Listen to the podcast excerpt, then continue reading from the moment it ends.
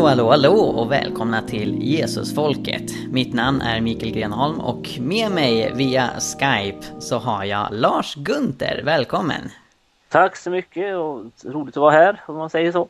Ja, du har ju varit med i flera avsnitt nu men eh, en kort presentation kanske är på plats för de som inte minns dig eller har lyssnat tidigare.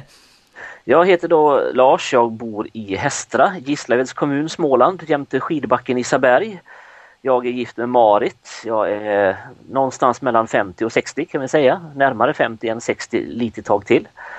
Eh, jag är pastor i Equmeniakyrkan. Jag är inne på min fjärde pastortjänst. Jag är eh, basketnörd, IT-intresserad, har jobbat som datalärare, skrivit lite böcker i webbutveckling, webbserverprogrammering eh, och allmänt kunskapstörstande. Ungefär så. Underbart, underbart. Och jag tänkte att eh, du är perfekt person att eh, prata om coronaviruset med. Eh, dels så tänkte jag att vi ska prata lite om, om utvecklingen som ju sker exponentiellt nu. Eh, jag och Sara, vi är i, i praktiken isolerade nu. Eh, vi har varken eh, universitet eller församling eh, att, att gå till. Eh, och sen så ja, läser man ju på nyheterna hur, hur eh, det verkligen är ett krisartat läge. Så jag tänker vi ska prata om det, vi ska prata om eh, hur vi ska se på det här teologiskt. Är coronaviruset ett Guds straff? Är det djävulens attack? Är det någonting annat? Eh, och sen, i och med att du är IT-pastorn, Lars, så tänkte jag att eh, vi också skulle kunna prata om hur kyrkor kan ställa om digitalt. Det är något som vår församling Mosaik eh, är inne i en process i just nu. Ehm, för vi tog för ett tag sedan beslutet att eh, vi inte kommer ha fysiska träffar när skolor och universitet stänger ner.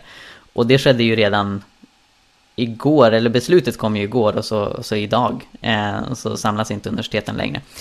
Ehm, så det är upplägget för idag. Men, men först och främst Lars, Eh, det är ju mycket debatt på sociala medier om Sveriges regering och, och, myndigheter, i synnerhet Folkhälsomyndigheten, verkligen är kompetenta nog att hantera den här krisen. Det sker en hel del kritik gentemot de rekommendationer och uppmaningar som kommer från högre nivå. Och vad tänker du kring det? Jag tänker några saker. Det första jag kan säga det är att ju snålare det blåser eller ju, ju värre ett hot ser ut att vara desto mer benägen blir vi att ha enkla svar och enkla lösningar. Eh, alltså det, på, på, ett sätt så kan man säga när Anders Tegnell och andra står och säger att vi vet inte riktigt. Då är han ju helt ärlig. Eh, men, men, människor vill ibland ha en snarare en falsk trygghet. Samtidigt så är det så att eftersom man inte vet så gör han ibland lite felaktiga bedömningar. Ibland så kommer han att säga saker som rycks ur sitt sammanhang. Han har bland annat blivit felciterad i Dagens Nyheter. Alltså nu pratar vi inte om fria tider eller eh, något sådant. Men Dagens Nyheter har rakt upp och ner felciterat honom och det finns en kultur där man tar den sortens felaktiga citat och så säger man titta här vad opolitlig han är, han vet inte vad han snackar om. Vad var det eh, för felcitat du tänker på? Det handlar i första hand om eh, att vi har sett toppen. Och då menar han toppen med de som kommer från Italien, han menar inte toppen i samhället i stort. Mm. Alltså att vi, vi, nu vet vi hur många det rör sig om, alla Italienresenärer är det här, nu kommer det inte bli fler. Och så tar man det citatet och, och rycker ut och säger ungefär som att ja, titta vad fel han hade för att man blandar ihop sammanhanget. Jag kan ta ett annat exempel, klimatförändringar cirkulerar en artikel där man säger titta vilka hot det var på 70-talet och de hade fel. Fast de pratar inte om klimatförändringar, de pratar om andra saker. Fast det rycks loss ur sitt sammanhang.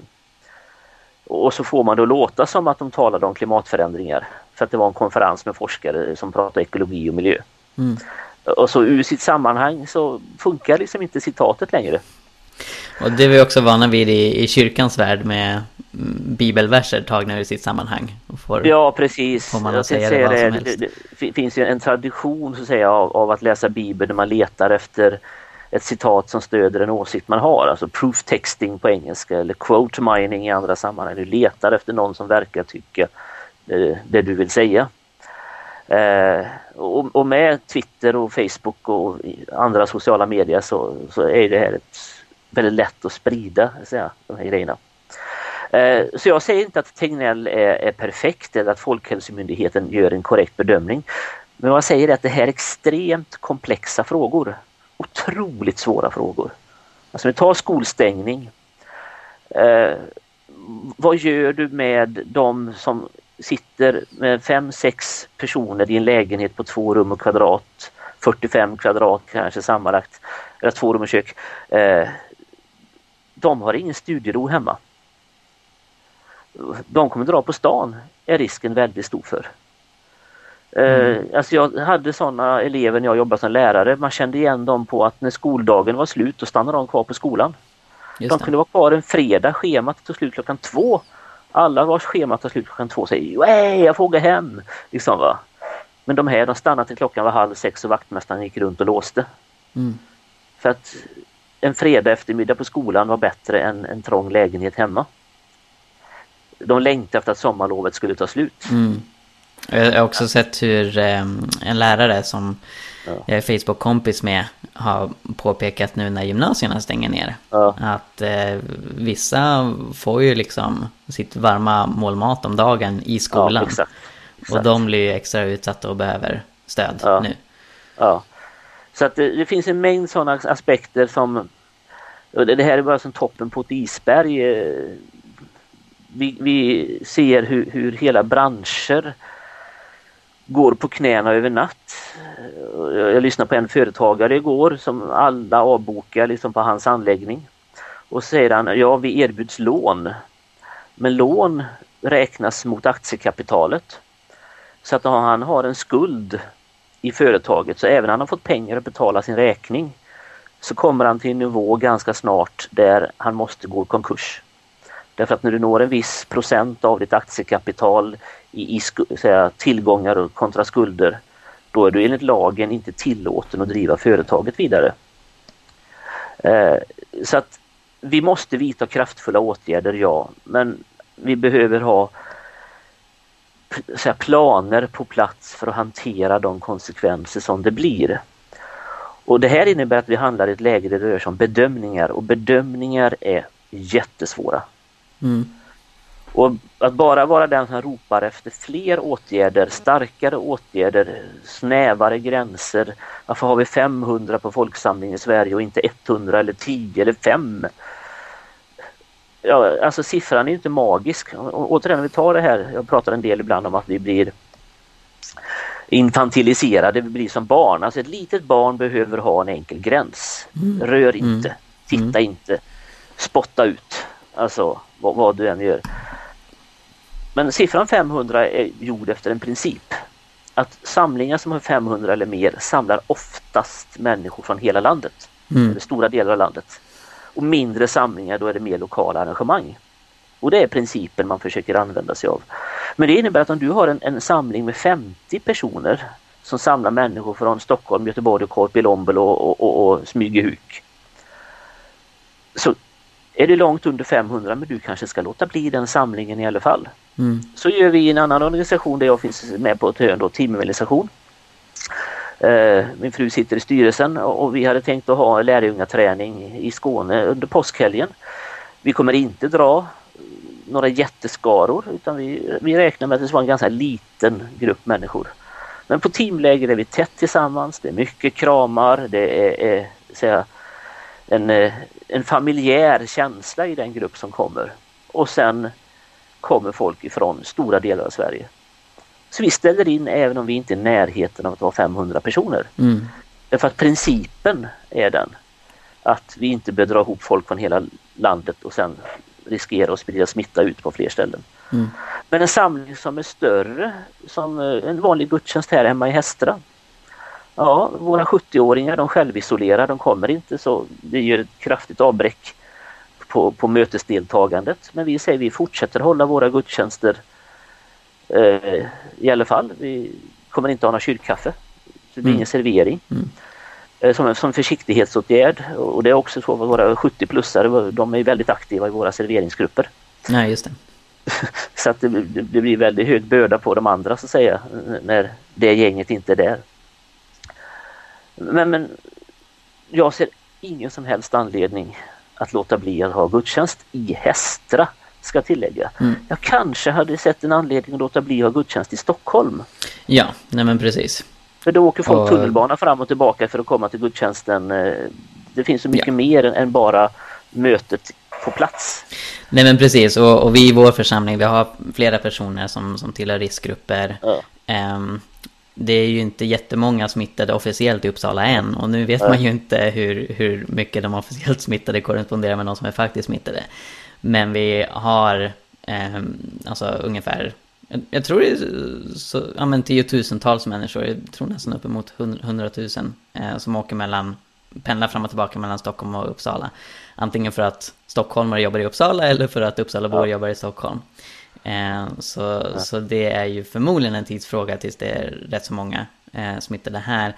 Nu kan ju det komma att ändras i och med till exempel att universitetet eh, stänger ner och bara har distansutbildning. Men som sagt, vi, vi tog beslutet att när, när universitetet gör det, då gör vi samma sak. För även om vi inte alls är många i Mosaik så, så är vi ändå, vi kommer ju nära varandra i en husförsamling.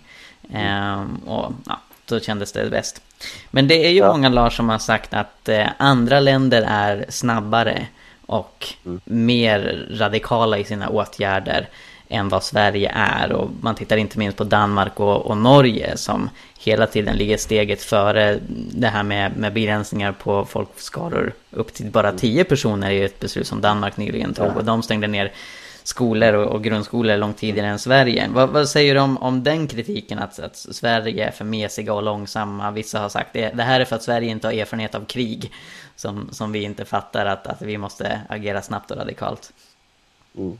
Nej, men, äh, återigen, äh, om, vi gör jämförelsen med krig äh, så, så säger jag att problemet i, i, alla krig är att du kan bara ha en general.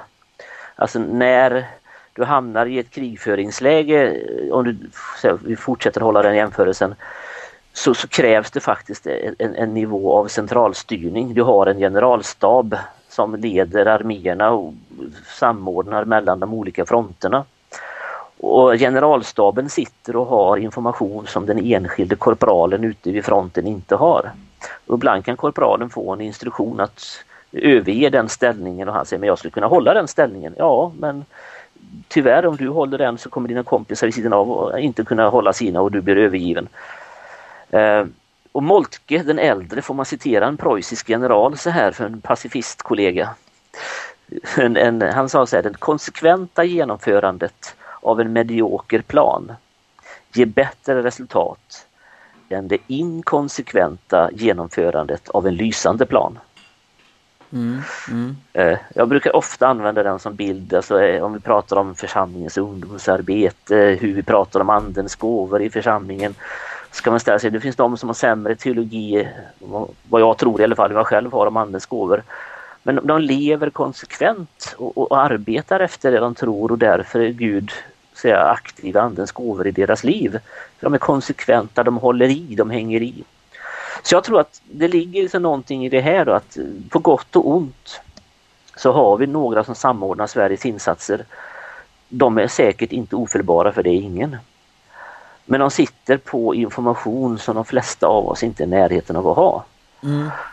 Och vad vi ska veta nu, nu pratar om skolstängning, eh, stänga ner massa andra saker som Wolodarski skriver Dagens Nyheter, stäng ner Sverige. Vi pratar inte om två veckor. Vi pratar inte om två månader. Vi pratar om någonting som kan vara ända in på hösten. Mm. Och vad händer efter en månad isolering, två månader isolering? Folk kommer gå ut. Ja, det riskerar bli väldigt många som efter ett tag börjar bryta mot karantänreglerna och ge sig ut. Och att i Italien så finns det till exempel en marknad för att man hyr ut sin hund till någon som inte har. För man får lämna sitt hus lagligt om man rastar hunden. Och det kan man då tjäna upp till 10 euro eller 25 euro i extremfallet på i timmen. Mm. För att eh, människor är så desperata att komma ut ur huset. Och, och ju längre tiden går desto större desperation kommer det vara. Så att sätta in åtgärd för tidigt kan få negativa konsekvenser för då är det risk att den inte är effekt när den behövs som allra bäst. Och jag säger på nytt då att jag vet inte vad som är rätt tidpunkt.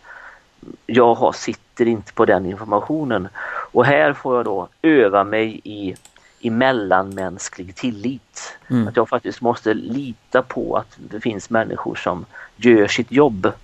Och, och som inte är perfekta men det är bättre att de gör det jobbet än att vi alla är där och eh, är liksom och kryddar i soppan tills den till slut bara är krydda och inte någon annan ingrediens alls.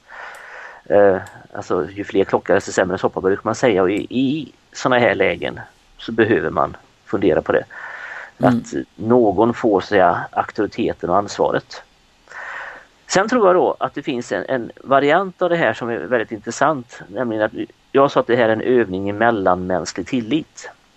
Men jag tror också att det är en övning i att inte lita på staten på ett sätt som staten inte förtjänar. Mm. Nu är jag inne på Martin Luther. Ja. Ja, att Luther sa så här när han skulle kommentera det första budet. Att den Gud du har, det är den som du litar på, som du ger din grundtillit i livet. Alltså den du lägger, den i vars hand du lägger ditt liv. Och jag tänker att vi i Sverige som har haft en, en korruptionsfri fungerande rättsstat i, i, många år, som vi har haft eh, ett fungerande socialt skyddsnät som, som hjälper de allra flesta, även om vi kan klaga lite grann på hur det ser ut, så är det faktiskt mest i kanten som det inte riktigt funkar som det ska. Vi har eh, en fungerande demokrati och vi har så mycket som har gjort att det för svenskars del har varit oerhört lätt att lägga sitt liv i folkhemmets trygga famn. Storebror staten blir mamma staten som omsluter oss alla med, med, med eh, sin djupaste omfamning och ger oss alla våra behov tillgodosedda. Så att säga. Nu överdriver naturligtvis formuleringarna för att göra min poäng. Men, men jag tror att för svensken så är det risk att staten har blivit en avgud och när jag då känner att den inte kan garantera mig den nivå av säkerhet som jag förväntar mig av den, då gungar det ännu mer. Mm. Så säga, då försvinner så säga, den mellanmänskliga tilliten därför att jag förväntade mig att kunna hysa en ännu större nivå av tillit när jag trodde att staten skulle hålla mig säker och så helt plötsligt finns det en fara som staten på grund av farans natur inte kan hålla mig säker från. Då är det en avgud som vacklar. Mm. Och då blir vi panikslagna. Då uppstår en rädsla som inte är bara utifrån hotet i sig utan en rädsla som består i att min tillvaro har slagits i spillor. Därför att min avgud håller inte. Det är sådana här lägen vi som kristna behöver läsa den andra halvan av Jesaja bok utan att gå in på författarfrågan om Jesaja så att säga, men den, den delen som, som väldigt mycket handlar om kritik av de stumma avgudarna som inte kan ge oss någon riktig hjälp. Bara Herren kan ge oss hjälp. Eh, I det här läget så behöver vi inse liksom att vi är faktiskt inte så skyddade att det vi hade var en, en, en illusion. Mm. Det fanns ingen möjlighet för modernitet och framsteg och utveckling och teknik och en fungerande eh, rättsstat att garantera att jag skulle slippa det som har varit vardagsmat under mänsklighetens historia med, med pestepidemier och kolera och spanska sjukan och annat. Förr eller senare kommer någonting och krossar den illusionen. Och som teolog, förkunnare, kristen kan jag vara beredd på det och känna att min värld vacklar inte därför att jag har inte denna grundtillit till att staten ska vara det som ger mitt liv den skydd och den bekvämlighet som jag hade kanske hoppats när jag tittar här på, på ett naivt sätt. Så grundtilliten ska vi ge till Gud och den mellanmänskliga tilliten ska vi ge till varandra och jag tror det är väldigt viktigt att man håller de två delarna säga, i, i balans med varandra. Mm. Och det tycker jag att det, är det vi inte gör. Vi är ett sekulariserat folk som, som har sökt sig till våra avgudar. Mm. Och, och, de håller nu på att brisera framför våra ögon. Ja, men, men precis. Precis. Ja. Och jag, jag, jag, tycker att det är i grund och botten bra att i ett demokratiskt samhälle kunna diskutera, kunna kritisera. Alltså, mm. alltså det i sig är ju, är ju sunt på något vis. Um, och jag, ja, jag, jag tycker liksom, ja, men det finns legitima saker, i synnerhet med liksom facit i hand när man tittar i backspegeln som man kan se borde ha gjorts bättre. En sån sak tycker jag till exempel är det här att, att de som kom hem från till exempel Italien inte sattes i karantän. För när man tittar på eh, ja, men hur flera asiatiska länder har skyddat sig mot pandemin hittills så, så är det något gemensamt som de just har gjort. Eh, men, men som sagt, det är egentligen Folkhälsomyndigheten och andra liksom på expertnivå som har mycket mer kunskap än vad alla Twitter-tyckare har. Och det, det blir för kaosartat om, om massa människor bestämmer sig för att sluta lyssna. Utan någonstans, även om man inte ska inbilla sig att, att staten eller Folkhälsomyndigheten är, är perfekta och felfria, så behövs det ändå en, en ödmjukhet där för att eh, det inte bara ska bli värre när, när alla gör lite, lite varsin grej. Sen ska man också komma ihåg att liksom även om staten eller myndigheter inte har till exempel förbjudit eh, folk att, att gå till skolan eller förbjudit det, det ena och det andra. Så liksom den som är orolig och den som känner att, att jag behöver ta mer åtgärder är ju fri att göra det. det. Det, finns också som du säger den här kulturen i Sverige av att, av att blint lyda staten. Och även om Luther tror jag hade rätt om det här med avgudar så, så kanske han också eh, är lite skyldig till en, en lite naiv tro på överheten som jag tycker att han samtidigt uttrycker. Eh, så, så någonstans så, så behöver vi också ja, men känna en tillit till vårt eget förnuft och, och vår egen magkänsla, tänker jag. Mm. Och, och det, det, är ju utan tvekan så att här tänker vi väldigt likadant att eh, det är en av mina stora poänger. Alltså jag såg eh, en av presskonferenserna häromdagen där eh, en av tv-journalisterna går fram direkt när presskonferensen är slut och ber, jag kommer faktiskt inte ihåg vem det var som intervjuades, så det var en politiker eller om det var en, en myndighetsperson och säger vi behöver direktiv för att veta, ska vi kunna genomföra vår, vår 50-årsfest, ska vi kunna genomföra vår syjunta? Mm. Och då är vi inne på kyrkans klassiska mark, för syförening det har vi i Hästna det är underbart gäng ja. damer. Ja. Ja, jag var hos dem här om veckan. Det, ja, det, var, det var glatt gäng så att säga så. Eh, och då tänker jag så här, men, men ge oss verktyg så att vi kan fatta kloka beslut. Alltså det är inte statsministerns jobb att säga ifall Hästra missionsförsamling ska ha en syjunta eller inte. Precis. Vi kommer nog inte ha det för att de flesta som kommer till syjuntan är som sagt i riskgruppen 70 plus. Mm. Så jag tror att vi ställer in våra syföreningar ett tag framöver. Eh, men, men å, återigen, alltså det här att, att vi helt plötsligt blir förvandlade till små barn och så ska mamma staten säga till oss precis vad vi får göra och inte göra. Eh, som sagt, det är ett uttryck för infantilisering, att vi blir som små barn alldeles onödan. Eh, lär oss tänka och så kommer en del att tänka fel. Men det är så viktigt i längden att vi tänker själva. Mm. Att ett och annat felaktigt beslut måste tolereras. Ja. Jag brukar säga det, det parallell samvetet, om vi tittar på hur Paulus undervisar om samvetet så säger han definitivt inte att samvetet alltid har rätt. Därför att han kan säga för den ene tillåter samvetet dig att göra det här och den andra säger samvetet att du inte ska göra det här. Och så varnar han för det överkänsliga samvetet på ett sätt och säger att den del vars samveten är för känsliga så att de förbjuder sig själva att göra saker som de inte behövde. Men säger han. Vi andra måste ta hänsyn. Mm. För samvetsfunktionaliteten i oss är så viktig att den inte får stängas av. Att den, säga, om vi tränar oss i att köra över våra samveten så kommer det inte funka när vi behöver det. Mm. Om vi tränar oss i att inte tänka så kommer det inte funka när vi behöver det. Alltså och det innebär att just nu så är ett stålbad för det svenska folket och all världens folk det är att säga väx upp. Mm. Bli mogen. Ta ansvar för dina beslut och inse att det inte finns någon som kan garantera perfekt hälsa varken till dig eller dina närmaste. Ja. Ja men precis, precis. Och vi ska fortsätta prata just ja. om hur vi ska se på Eh, det nya coronaviruset och eh, sjukdomen i dess spår covid-19 eh, ur ett teologiskt perspektiv. Jag har sett flera som har börjat spekulera i att det här det är ju det som sker i den sista tiden. Det är farsoten som Uppenbarelseboken pratar om. Och, eh, vissa spekulerar i att det är eh, Guds straff. Eh, det var väl kanske lättare att säga liksom när bara Kina var drabbat. Liksom, det här är straffet för kommunismen. Nu blir det lite svårare och svårare. Men man kan liksom skylla Italien, ja, men de är ju katoliker och Iran är ju muslimer och, och så vidare. Va? Sverige är sekulariserade.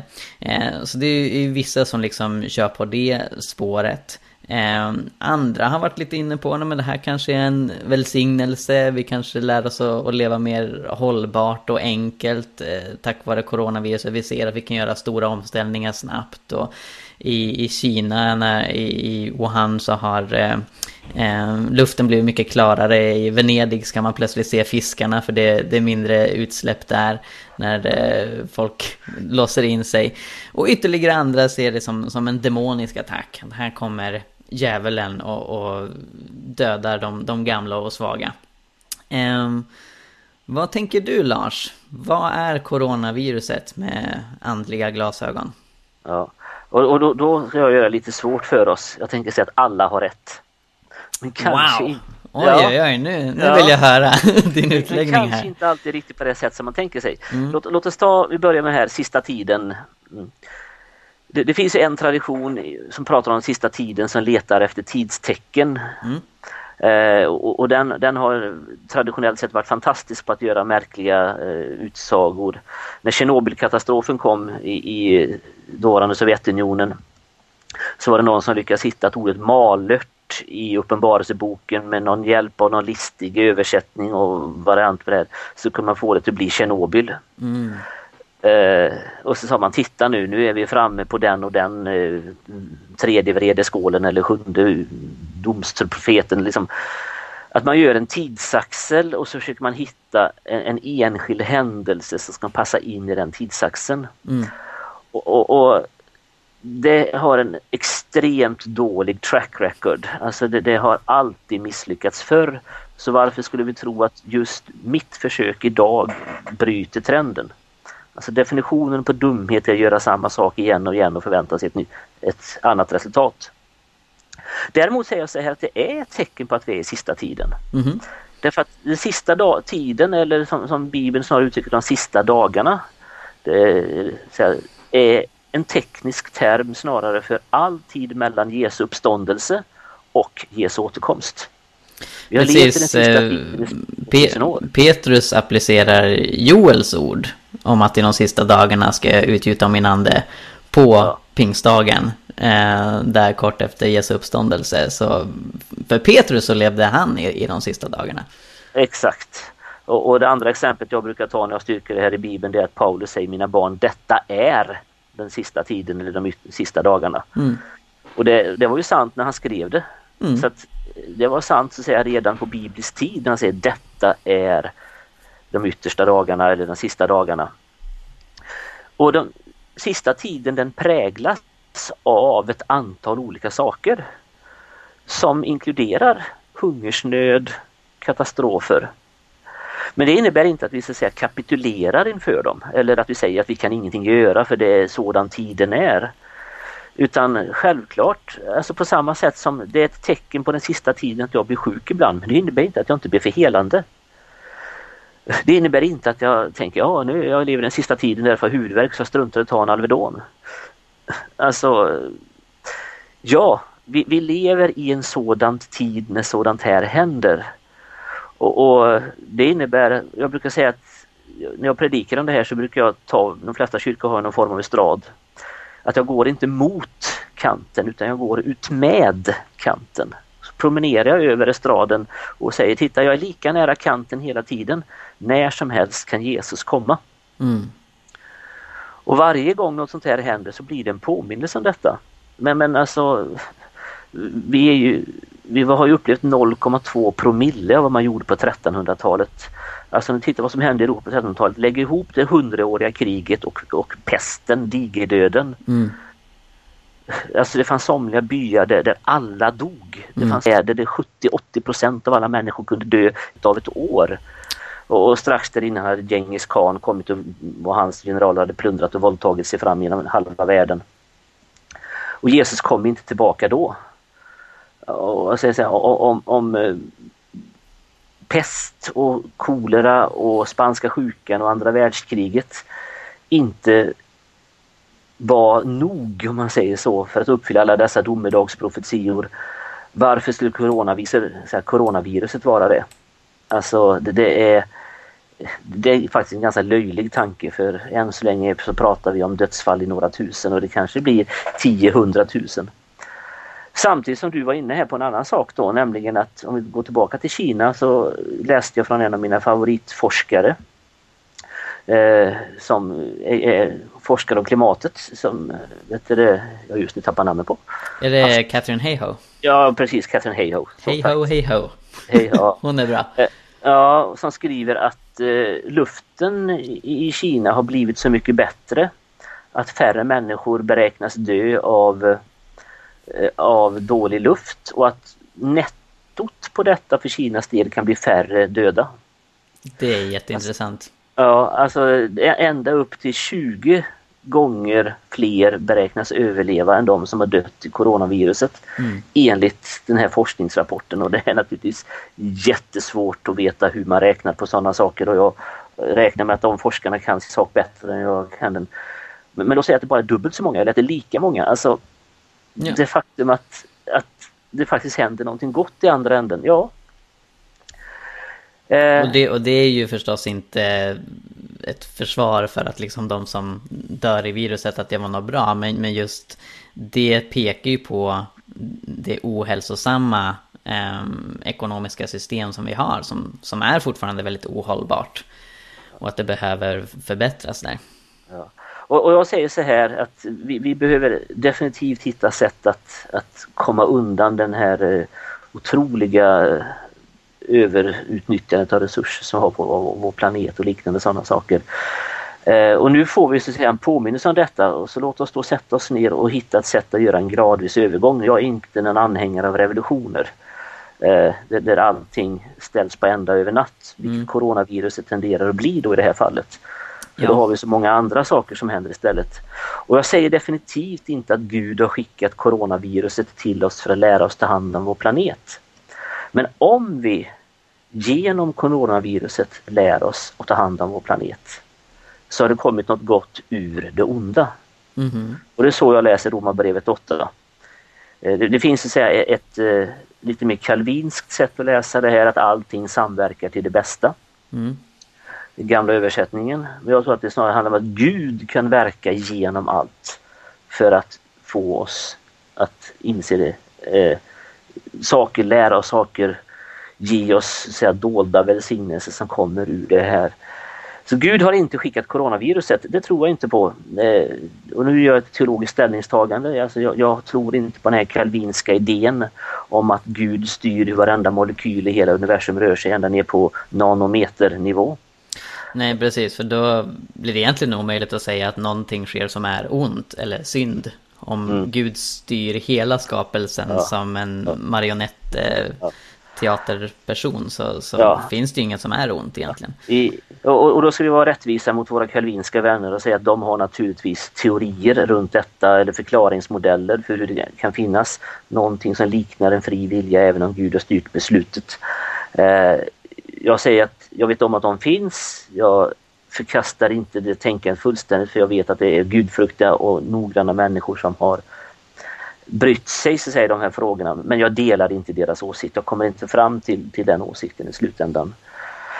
Men om vi pratar om det här som ett Guds straff så tänker jag att det finns en annan teologisk idé som är eh, mycket applicerbar på det här och det är att man kan prata om Guds straff utifrån det latinska ordet effectus som vi känner igen vårt ord effekt och affectus. Som vi har mm. lite annorlunda då, affekt. Eh, man tänker sig att Gud skulle kunna straffa i den ena idén att det jag gör har så att säga en inbyggd konsekvens. Det jag gör leder till ett resultat som, som blir som ett straff. Det finns ett gammalt talesätt, va? synden straffar sig själv. Eh, och det brukar man, åtminstone i min generation, höra någon gång ibland de gamla säga om man gjorde någonting dumt och så ramlar man och slog sig du borde inte gjort det för jag sa åt dig att inte göra det men nu straffade synden sig själv. Nu, nu blöder du från knäna så att säga för att du inte tog mammas råd. Eh, Och då blir det på ett väldigt enkelt plan. Men jag tänker så här, att vad vi lär oss då av den här epidemin, det är så att säga, vi människor, vi sitter ihop på ett mycket, mycket mer intrikat och sammanvävt sätt än vad vi i vanliga fall föreställer oss.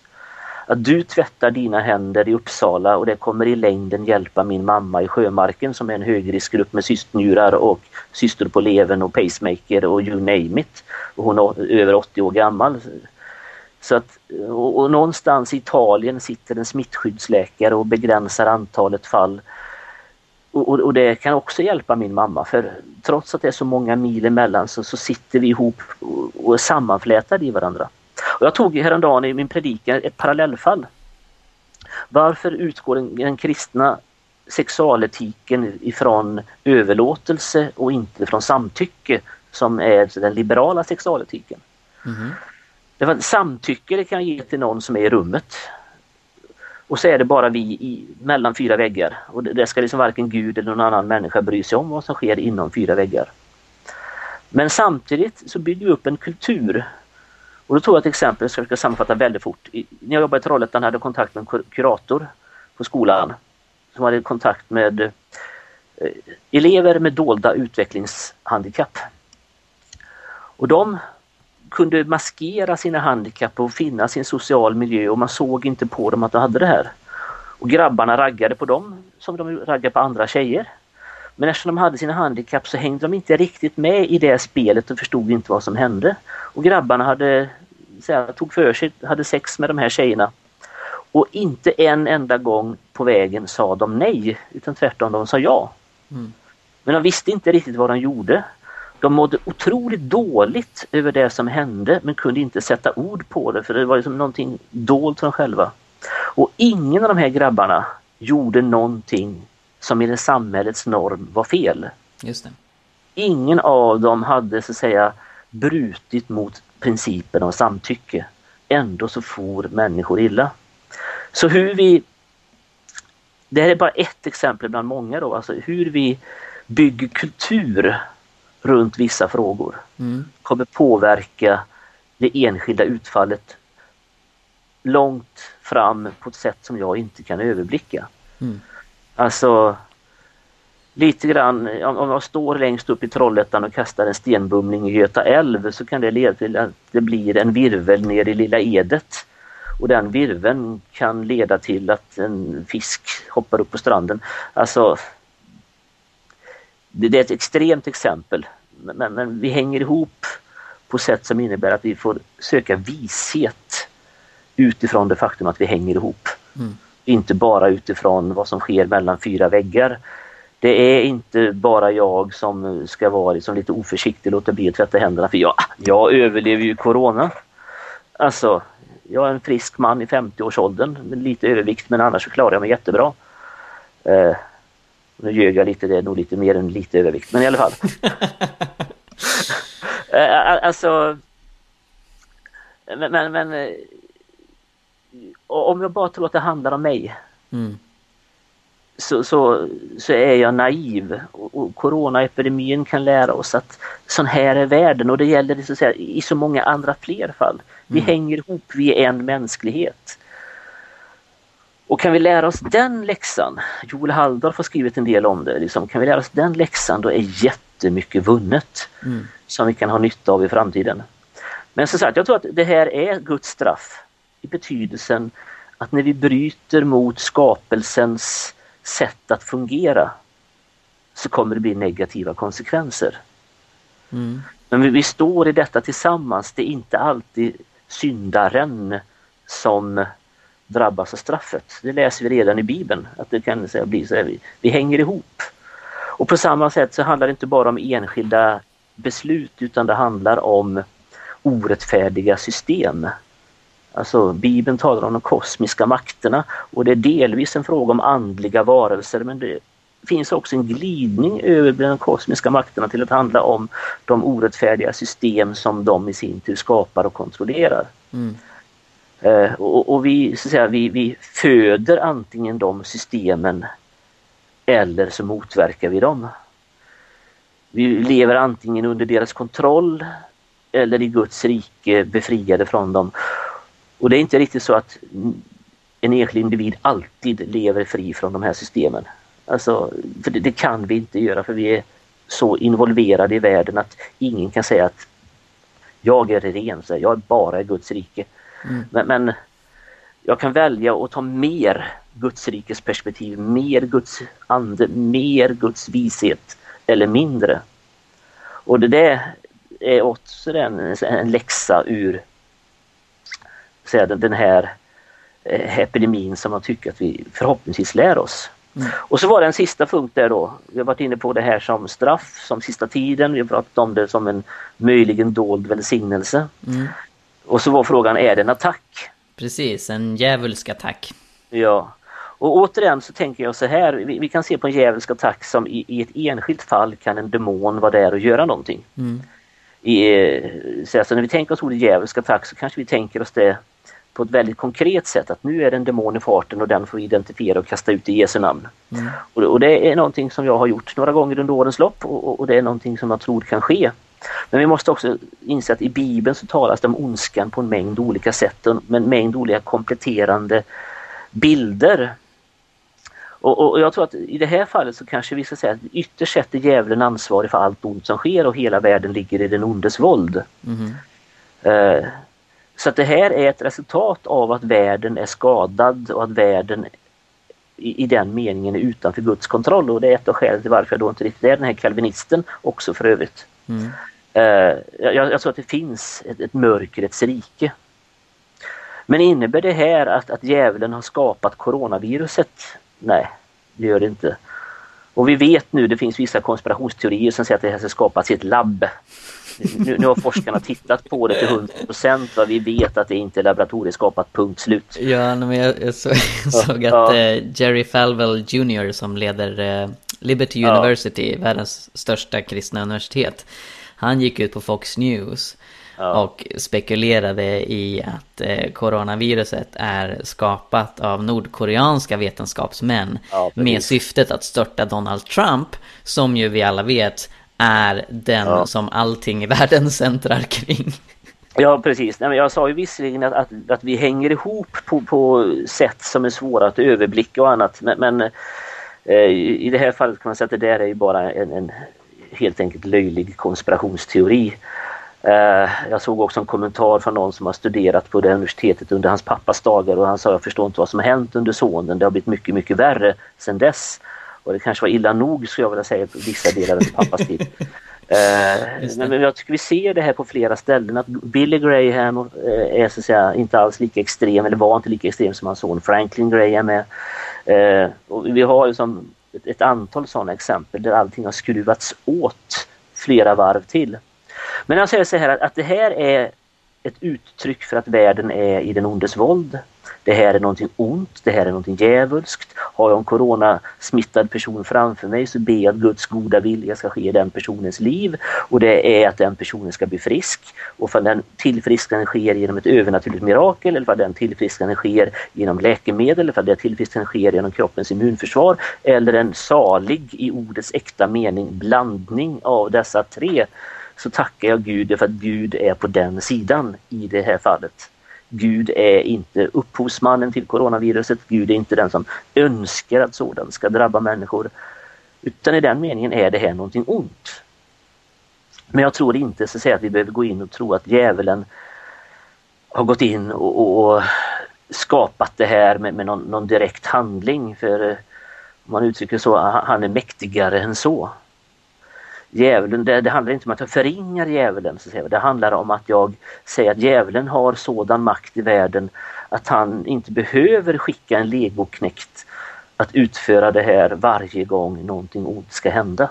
Utan det, det är bara ett resultat av att han direkt och indirekt har en massa att säga till om i en värld som är lagd under förgängelsen, under tomhetens välde. Paulus ord i Romarbrevet, hela världen är i den ondes våld.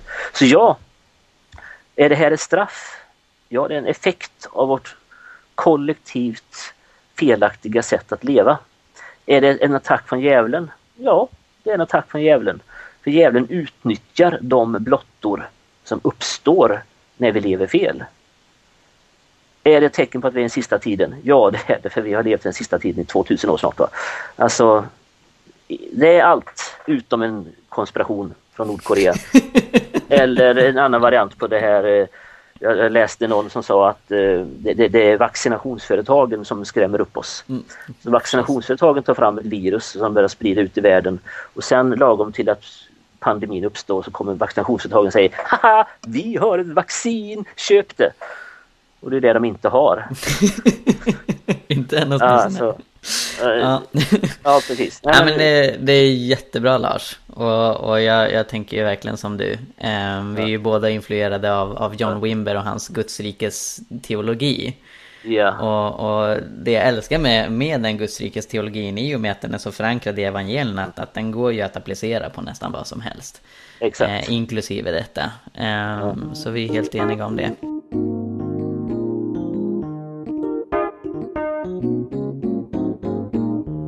Visst är han smart, den där Gunter. Samtalet som vi hade drog ut lite på tiden, det gör ju det ibland här i Jesusfolket. Eh, så fortsättningen på samtalet där vi går in på hur man kan tänka praktiskt som församling att ställa om digitalt nu när vi behöver hålla distans till varandra kommer nästa vecka. Till dess önskar jag er Guds välsignelse och ta hand om er.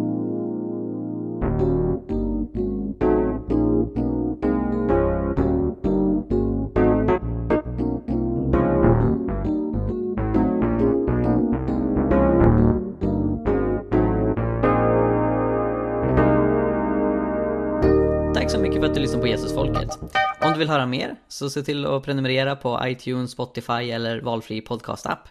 Du kan också lämna en recension, vilket är en eh, liten grej att göra som hjälper oss väldigt, väldigt mycket, så det uppskattar vi verkligen.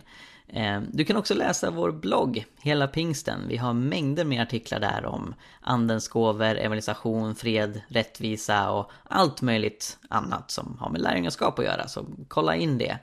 Och vi finns på sociala medier, du kan följa både Jesusfolket och hela pingsten på till exempel Facebook.